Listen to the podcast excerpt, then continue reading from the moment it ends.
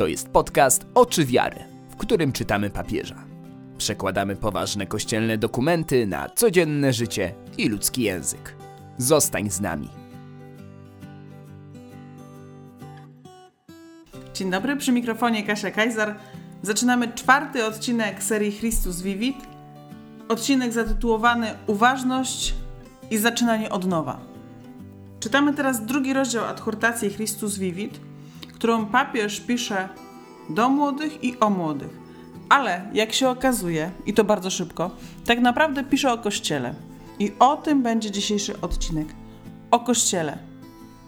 Fragment, który przeczytamy, zatytułowany jest Młodość Kościoła i składa się z dwóch elementów. Na początku papież mówi o Kościele, który daje się odnowić. A potem zwraca uwagę, że Kościół ma być uważny na znaki czasu. Brzmi jak coś, czego się nie da zrozumieć. To znaczy, są to słowa, które powtarzamy bardzo często w naszej przestrzeni takiej kościółkowej, ale rzadko chyba zastanawiamy się, co to znaczy w praktyce. No to popatrzmy, co mówi papież. Papież zaczyna ten fragment od stwierdzenia, że Kościół mimo że jest bardzo wiekową instytucją, na różnych etapach swojego życia, swojego trwania może się odnawiać. I chyba o tą odnowę mu właśnie chodzi, gdy mówi o młodości. Zwraca uwagę, że tak naprawdę w najbardziej tragicznych chwilach Kościół wraca do istoty swojej pierwszej miłości. Do tego momentu, w którym którym się zaczął, czyli do swojej młodości. I zaraz papież mówi, żebyśmy prosili Pana o to, aby uchronił nas przed postarzaniem Kościoła. Rysuje bardzo wyraźnie i bardzo jasno dwie linie, pomiędzy którymi musimy, jako Kościół, jako wspólnota, jako grupa ludzi, jako ludzie, jako ludzie żyjący w kościele, jako chrześcijanie, pomiędzy którymi musimy się zmieścić. Pomiędzy pierwsza linia to jest linia, za którą chcielibyśmy Kościół postarzyć, jakoś zatrzymać, tak zakotwiczyć w jakimś momencie przeszłości i dalej już go nie puścić. Unieruchomić. Wielu z nas uważa, że Kościół świetny już był i do tego musimy wrócić. A papież mówi, że mamy się modlić, żeby Pan nas uwolnił od takiego myślenia. Że nie możemy Kościoła postarzyć, nie możemy go zatrzymać, nie możemy go usztywnić. Ale żeby nie było tak wesoło, albo inaczej, żeby nie było tak jednostronnie, papież od razu mówi o, o drugim mm, o drugiej linii, o drugiej granicy, której przekroczyć nie możemy. O tym byśmy nigdy, ale to przenigdy nie pomyśleli, że Kościół jest młody przez to, że zgadza się na wszystko, co mu świat daje. To nie jest młodość. Nie możemy się odnawiać poprzez zakłamywanie tego, czym Kościół jest tak naprawdę. W jaki sposób został powołany i do czego został powołany. Nie, nie możemy się tego wyrzec. Kościół nie może wtopić się w otoczenie. Musi być wyraźny. Myślę, że to zostało w wielu miejscach naszego współczesnego, nawet nie mówię, że świata, ale tu u nas. W wielu miejscach właśnie ta granica została przekroczona. To znaczy, ludzie wierzący niczym nie różnili się od ludzi niewierzących. A czasami różnili się negatywnie to, to nie tędy droga. Kościół nie może się wtapiać w otoczenie. Kościół nie może godzić się na wszystko, co oferuje świat. Kościół ma chwytać marzenia, o tym zaraz, o tym za chwilę. Papież mówi, że pomiędzy tymi dwiema liniami, między tym chęcią postarzania i zakotwiczania i unieruchomiania kościoła i takiego betonowania i trzymania w jednym miejscu, a pomiędzy chęcią porzucenia tego, czym i kim jesteśmy, jest Kościół, który jest sobą. Po pierwsze, jest sobą. Po drugie, otrzymuje nowe siły ze Słowa Bożego, z Eucharystii, z obecności Chrystusa. Znaczy, Kościół z tego właśnie czerpie. My czerpiemy ze Słowa Bożego, my czerpiemy z Eucharystii, my czerpiemy z obecności Pana. Jeżeli do tego nie będziemy wracać, to znaczy, jeżeli ja nie będę wracać do tego, że Chrystus jest żywy i obecny, jeżeli ja nie będę wracać do budowania relacji z Nim, między innymi przez właśnie Słowo Boże, przez, przez udział w sakramentach, przez szukanie Go tak naprawdę. Bardzo często chodzi mi po głowie biblijne: szukajcie Pana, dopóki pozwala się znaleźć. Jeżeli w kościele nie ma Marii, która biegnie od grobu i woła: Widziałam Pana, to wtedy Kościół jest nie, nie na swoim miejscu, nie tam, gdzie być powinien. Widziałam Pana. Papież mówi o marzeniach. O tym, że Kościół ma mieć odwagę ukazywania ludziom takich marzeń, o jakich świat nie marzy. Coś w tym jest. Kiedy wchodzimy w duchowość, kiedy staramy się żyć Ewangelią, okazuje się, że marzymy o czymś, o czym w świecie się nawet nie mówi. Nawet nie chodzi o marzenia, to w ogóle się nie mówi, w ogóle temat pomijany. Pojawiają się takie słowa jak wielkoduszność, przebaczenie, pojawiają się cnoty. Jest całkiem dobre pytanie, czy marzysz o tym, żeby być człowiekiem wielkodusznym? Co to w ogóle znaczy? Jakie to jest dawanie siebie samego innym ludziom? Bo myślę, że wielkoduszność to jest dawanie siebie samego, a nie tylko tego, co materialne. Chociaż kwestie materialne są ważne, są bardzo fundamentalne. Człowiek nie ma chleba, którym może się najeść, to trudno mu mówić o chlebie eucharystycznym. Trudno w ogóle mu o czymkolwiek mówić, bo człowiek, który nie je, umiera. Tak patrzę na te moje notatki i na ten tekst, który, który papież napisał. I widzę, że tutaj co chwilę czytamy Kościół to, Kościół tamto. Kościół ma mieć odwagę. Do. Do czego ta odwaga tym razem? Do podjęcia ryzyka wiary. Kościół ma mieć odwagę, aby być innymi. I tak naprawdę to, to dobrze by było za każdym razem usłyszeć: Ja mam mieć odwagę. Ja mam słuchać wezwania do podjęcia ryzyka wiary. Bo wiara jest pewnym ryzykiem. Na przykład ryzykujemy śmieszność. Nic miłego. Papież kolejny raz mówi tutaj, że Kościół e, Chrystusowy to znaczy, że my. Papież mówi, że jest w nas pokusa do tego, by stracić entuzjazm. By tak klapnąć sobie w, życiu, by przestać, przestać szukać, przestać słuchać Pana, przestać czytać Ewangelię. I mówi też, że istnieje w nas pokusa do tego, by szukać fałszywych zabezpieczeń doczesnych. Jedynym zabezpieczeniem moim jest Jezus Chrystus. Nic i nikt więcej. My wiemy doskonale, że tutaj wszystko może zawieść na świecie. Wszystko i majątek, i relacje, i układy, i, i zdrowie. Ale Jezus Chrystus jest pewny. Jest pewny. To jest wymiar zaufania. Ja już o tym, ja o tym mówię już któryś raz. To jest taka myśl, która mi towarzyszy, że owszem, trzeba budować spichlerze i trzeba siać i orać, ale tak naprawdę to tylko w Bogu można mieć nadzieję, która na pewno nie zostanie zachwiana. A wręcz przeciwnie, zostanie przewyższona wielokrotnie.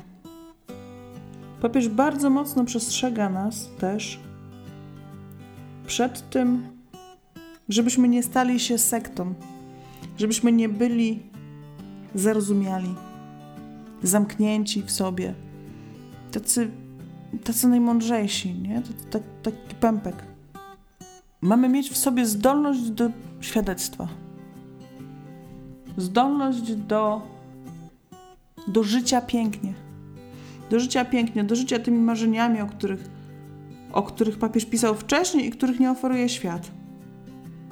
Na przykład marzyć o pięknie służby. I znaleźć piękno w tym, że jesteśmy nie sami dla siebie, ale jesteśmy tutaj dla innych ludzi. Jak ktoś się martwi, że nie jest młody, moja adhortacja wciąż mówi o młodości.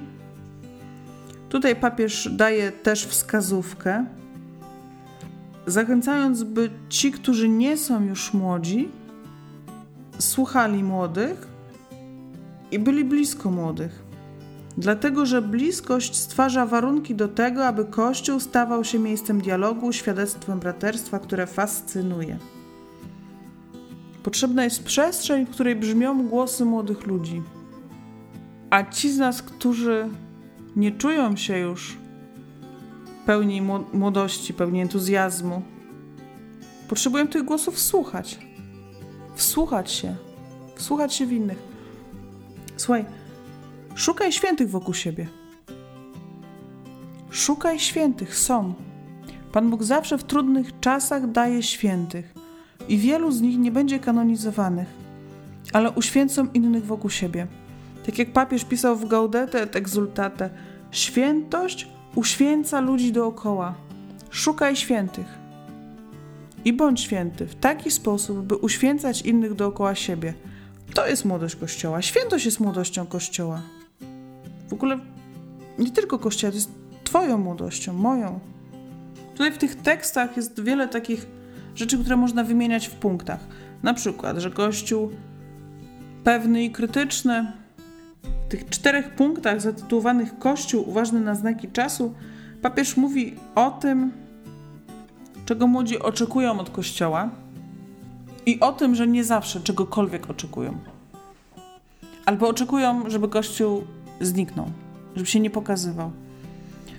Jakiś czas temu przeczytałam, przeczytałam taką wypowiedź. Ktoś prosił o przyjęcie do wiadomości, że wiara w Boga i uważanie się za katolika czy za osobę wierzącą, za chrześcijanina, jest przez pewnych ludzi, przez jakiś krąg ludzi postrzegane nie jako coś obojętnego albo mylnego, tylko jako coś złego, jako coś szkodliwego, społecznie szkodliwego. Bardzo mnie to uderzyło, bo zawsze wydawało mi się, że dzieła charytatywne, które Kościół prowadzi, w jakiś sposób społecznie go usprawiedliwiają, o ile można użyć takiego słowa. Znaczy, dają mu prawo do bycia w społeczeństwie i do bycia szanowanym elementem społecznym. Wydawałoby się, że te wszystkie dzieła, które są prowadzone ze względu na Pana, ze względu na Pana, dzieła, które są prowadzone przez siostry zakonne, przez ludzi świeckich, którzy poświęcają część swojego życia na służbę innym, właśnie ze względu na to, że odkryli, że to jest piękne i że to jest, y, że to jest Boże, że to jest taki moment, w którym budujemy Królestwo Boże tu na ziemi. Budujemy taką przestrzeń, w której, w której króluje miłość. Wydawało mi się, że to wystarczy, że to jakoś Y, jest uznawane za sensowne i potrzebne, a tymczasem nie. Są ludzie, którzy uważają, że wiara jest szkodliwa. I to jest ten moment, w którym wszyscy powinniśmy zastanowić się, czy w jakiś sposób nie dokładamy swoim zachowaniem albo brakiem jakiegoś swojego zachowania cegiełki do tego przekonania. Bo ja jestem przekonana, że, wiara nie jest szkodliwa, że wręcz przeciwnie, wiara buduje zgodę społeczną, wiara pozwala dbać o innych i tak dalej. A papież pisze tak. Takie żądanie, chodziło o prośbę, żeby Kościół zniknął i się nie wtrącał, często nie rodzi się z bezkrytycznej i impulsywnej pogardy, ale ma też swoje korzenie w poważnych i godnych uszanowania przyczynach. Skandalach seksualnych i ekonomicznych, nieprzygotowaniu kapłanów, którzy nie potrafią odpowiednio uchwycić wrażliwości młodych ludzi, braku staranności w przygotowaniu homilii i głoszeniu Słowa Bożego, bierności przypisywanej ludziom młodym we wspólnocie chrześcijańskiej, trudnościom Kościoła w uzasadnieniu swojego stanowiska doktrynalnego i etycznego wobec współczesnego społeczeństwa. To są bardzo mocne słowa.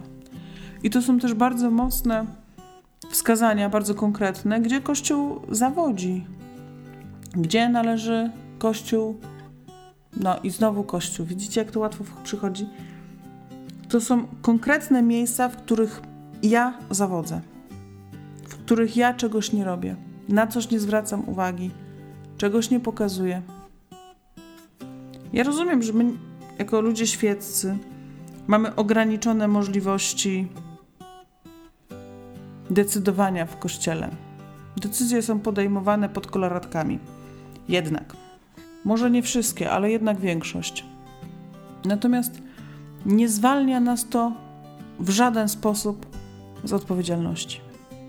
Musimy pytać, musimy szukać, musimy, musimy rozmawiać.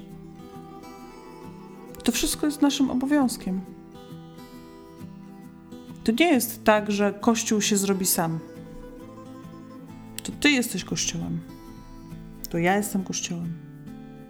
Myślę, że wystarczy wstępu. Tematyka tego, co za chwilkę przeczytam, jest tak szeroka i tak naprawdę to trochę tylko liźnięta w tym dokumencie, tak zasygnalizowana. Powinniśmy się spotkać w jakimś panelu dyskusyjnym, może nawet nie jednym, i krok po kroku wsłuchiwać się w to, co mówi Pan. Diagnozować ten nasz Kościół, czyli diagnozować siebie tak naprawdę. A to znaczy, że należy zacząć już dziś od rachunku sumienia. A teraz posłuchaj papieża.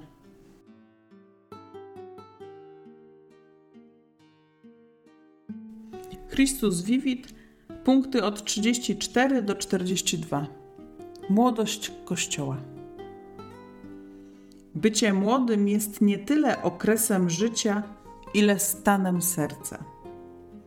Dlatego też instytucja tak wiekowa jak Kościół może się odnawiać i stawać młodą na różnych etapach swojej długiej historii. W rzeczywistości, w swoich najbardziej tragicznych chwilach, czuje wezwanie, aby powrócić do istoty pierwszej miłości. Przypominając tę prawdę, Sobór Watykański II stwierdził, że bogaty w długą przeszłość, zawsze w niej żyjący, zmierzając ku ludzkiej doskonałości w czasie i ku ostatecznemu zamysłowi historii i życia, jest on prawdziwą młodością świata. W nim można zawsze znaleźć Chrystusa, towarzysza i przyjaciela młodych. Kościół, który daje się odnowić. Prośmy Pana, aby uwolnił Kościół od tych, którzy chcą go postarzyć, zakotwiczyć w przeszłości, zatrzymać, unieruchomić. Prośmy go też, aby uwolnił go od innej pokusy uwierzenia, że jest młody, bo godzi się na wszystko, co oferuje mu świat, wierząc, że w ten sposób się odnawia, ponieważ ukrywa swoje orędzie i wtapia się w otoczenie. Nie. Jest młody, kiedy jest sobą, gdy otrzymuje coraz to nowe siły płynące ze Słowa Bożego, z Eucharystii, z obecności Chrystusa każdego dnia. Jest młody, kiedy potrafi powracać do swojego źródła. To prawda, że my, członkowie Kościoła, nie możemy być dziwakami. Wszyscy powinni móc widzieć w nas braci i bliskich, jak apostołowie, którzy cieszyli się życzliwością całego ludu. Ale jednocześnie musimy mieć odwagę, by być innymi, aby ukazywać innym marzenia, jakich nie oferuje ten świat, by dawać świadectwo piękna wielkoduszności, służby, czystości, męstwa, przebaczenia, wierności w małżeństwie, modlitwy, walki o sprawiedliwość i dobro wspólne, miłości do ubogich, przyjaźni społecznej. Kościół Chrystusowy zawsze może ulec pokusie zatracenia entuzjazmu, gdy nie słucha już wezwania Pana do ryzyka wiary, dodawania z siebie wszystkiego, nie zważając na zagrożenia, a także dlatego, że ponownie poszukuje fałszywych zabezpieczeń doczesnych. To właśnie ludzie młodzi mogą pomóc Kościołowi, aby pozostał młody, by nie popadł w zepsucie, by się nie zamykał, nie stawał się zarozumiały, nie zamieniał się w sektę, by był uboższy i zdolny do świadectwa, do bycia blisko najmniejszych i odrzuconych, aby walczył o sprawiedliwość i pozwolił z pokorą zadawać sobie pytania. Mogą oni wnieść do kościoła piękno młodości, gdy rozbudzają zdolność radowania się z tego, co rozpoczyna, bezpowrotnego oddania się, odnowienia i ponownego wyruszenia po nowe zdobycze. Ci z nas, którzy nie są już młodzi, potrzebują okazji, aby głosy młodych i ich zachęta były bliskie, gdyż bliskość stwarza warunki do tego, aby Kościół stawał się miejscem dialogu i świadectwem braterstwa, które fascynuje. Musimy stworzyć więcej przestrzeni, w których zabrzmi głos młodzieży. Wysłuchanie umożliwia wymianę darów w atmosferze empatii. Jednocześnie umożliwia takie głoszenie Ewangelii, które naprawdę dociera do serca w sposób przekonujący i owocny. Kościół uważny na znaki czasu.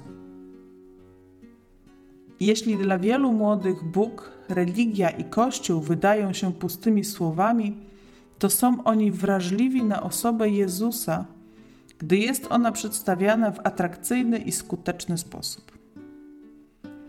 Dlatego konieczne jest, aby Kościół nie był skoncentrowany na sobie samym, ale aby przede wszystkim odzwierciedlał Jezusa Chrystusa. To zakłada, że pokornie uzna on, iż pewne konkretne kwestie muszą się zmienić, ale w tym celu musi także poznać wizję, a nawet krytykę ludzi młodych. Na synodzie przyznano, że znaczna liczba ludzi młodych z różnych przyczyn niczego nie oczekuje od Kościoła, ponieważ nie uważa go za znaczący dla ich życia. Co więcej, niektórzy wyraźnie proszą o pozostawienie ich w spokoju, ponieważ odczuwają jego obecność jako uciążliwą, a nawet irytującą. Takie żądanie często nie rodzi się z bezkrytycznej i impulsywnej pogardy, ale ma też swoje korzenie w poważnych i godnych uszanowania przyczynach skandalach seksualnych i ekonomicznych, nieprzygotowaniu kapłanów, którzy nie potrafią odpowiednio uchwycić wrażliwości młodych ludzi, braku staranności w przygotowaniu homilii i głoszeniu Słowa Bożego, bierności przypisywanej ludziom młodym we wspólnocie chrześcijańskiej. Trudnościom Kościoła w uzasadnieniu swojego stanowiska doktrynalnego i etycznego wobec współczesnego społeczeństwa. Nawet jeśli są młodzi, którzy cieszą się, widząc Kościół, który daje się poznać jako pewny, zdecydowany i krytyczny, to inni ludzie młodzi domagają się kościoła, który by więcej słuchał, który by nie osądzał nieustannie świata, ani nie myślał, że wszystko, co mu się przydarza, dzieje się z powodu niegodziwości społeczeństwa. Nie chcą widzieć kościoła milczącego i nieśmiałego, ani też zawsze walczącego o dwa lub trzy tematy będące jego obsesją. Aby być wiarygodnym dla młodych, Kościół musi niekiedy odzyskać pokorę i po prostu słuchać, rozpoznać w tym, co mówią inni światło, które może mu pomóc w lepszym odkryciu Ewangelii. Kościół w defensywie, tracący pokorę, który przestaje słuchać, nie pozwala na poddawanie wątpliwość, traci młodość i zmienia się w muzeum. Jak w ten sposób może przyjąć marzenia młodych? Chociaż posiada on prawdę Ewangelii, nie oznacza to, że w pełni ją zrozumiał. Raczej musi zawsze wzrastać w zrozumieniu tego niewyczerpanego skarbu. Na przykład Kościół nadmiernie lękliwy i przywiązany do struktur może być nieustannie krytyczny wobec wszystkich dyskursów na temat obrony praw kobiet i stale wskazywać na zagrożenia i ewentualne błędy tych roszczeń. Przeciwnie, żywy Kościół może reagować, zwracając uwagę na uzasadnione żądania kobiet, upominających się o większą sprawiedliwość i równość. Może przypomnieć historię i uznać istnienie długich dziejów autorytaryzmu ze strony mężczyzn, podporządkowania, różnych form zniewolenia, wykorzystania i męskiej przemocy. Patrząc w ten sposób, Kościół będzie zdolny do utożsamienia się z owymi żądaniami praw i z przekonaniem wniesie swój wkład na rzecz większej komplementarności między mężczyznami a kobietami. Aczkolwiek nie zgadzając się ze wszystkim, co proponują niektóre grupy feministyczne. W związku z tym synod chciał odnowić zaangażowanie Kościoła w zwalczanie wszelkiej dyskryminacji i przemocy ze względu na płeć. Jest to reakcja Kościoła, który pozostaje młody i który pozwala stawiać sobie wyzwania oraz daje się pobudzać wrażliwością ludzi młodych.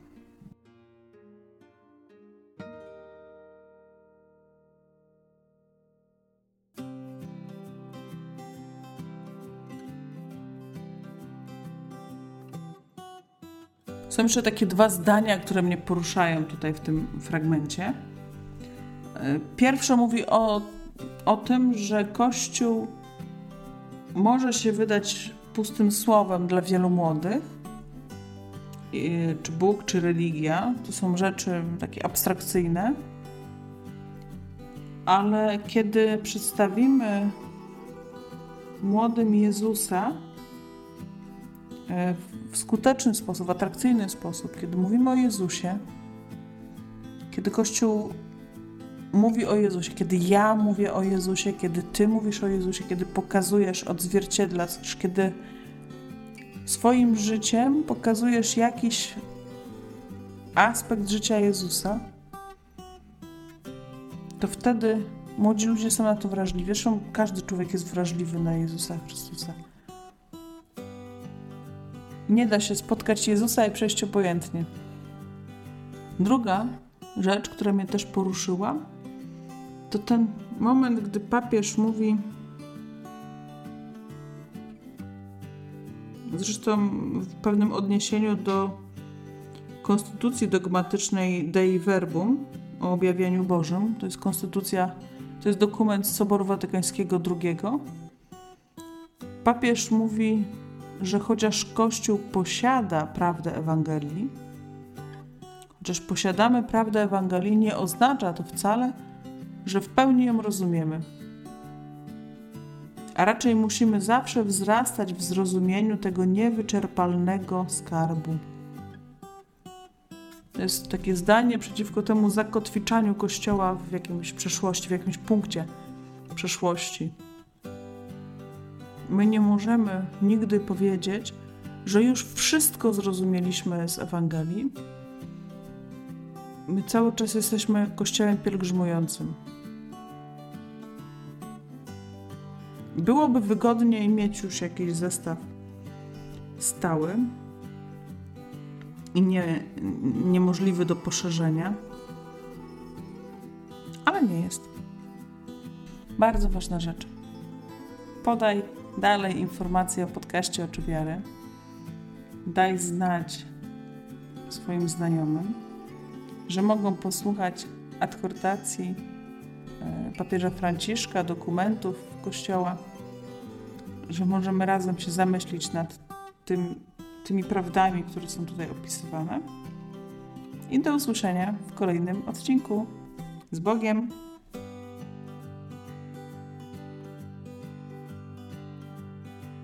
To był podcast Oczy Wiary. Zajrzyj na stronę www.oczywiary.pl po więcej treści. Zachęcamy też do kontaktu. Mail kasia Do usłyszenia.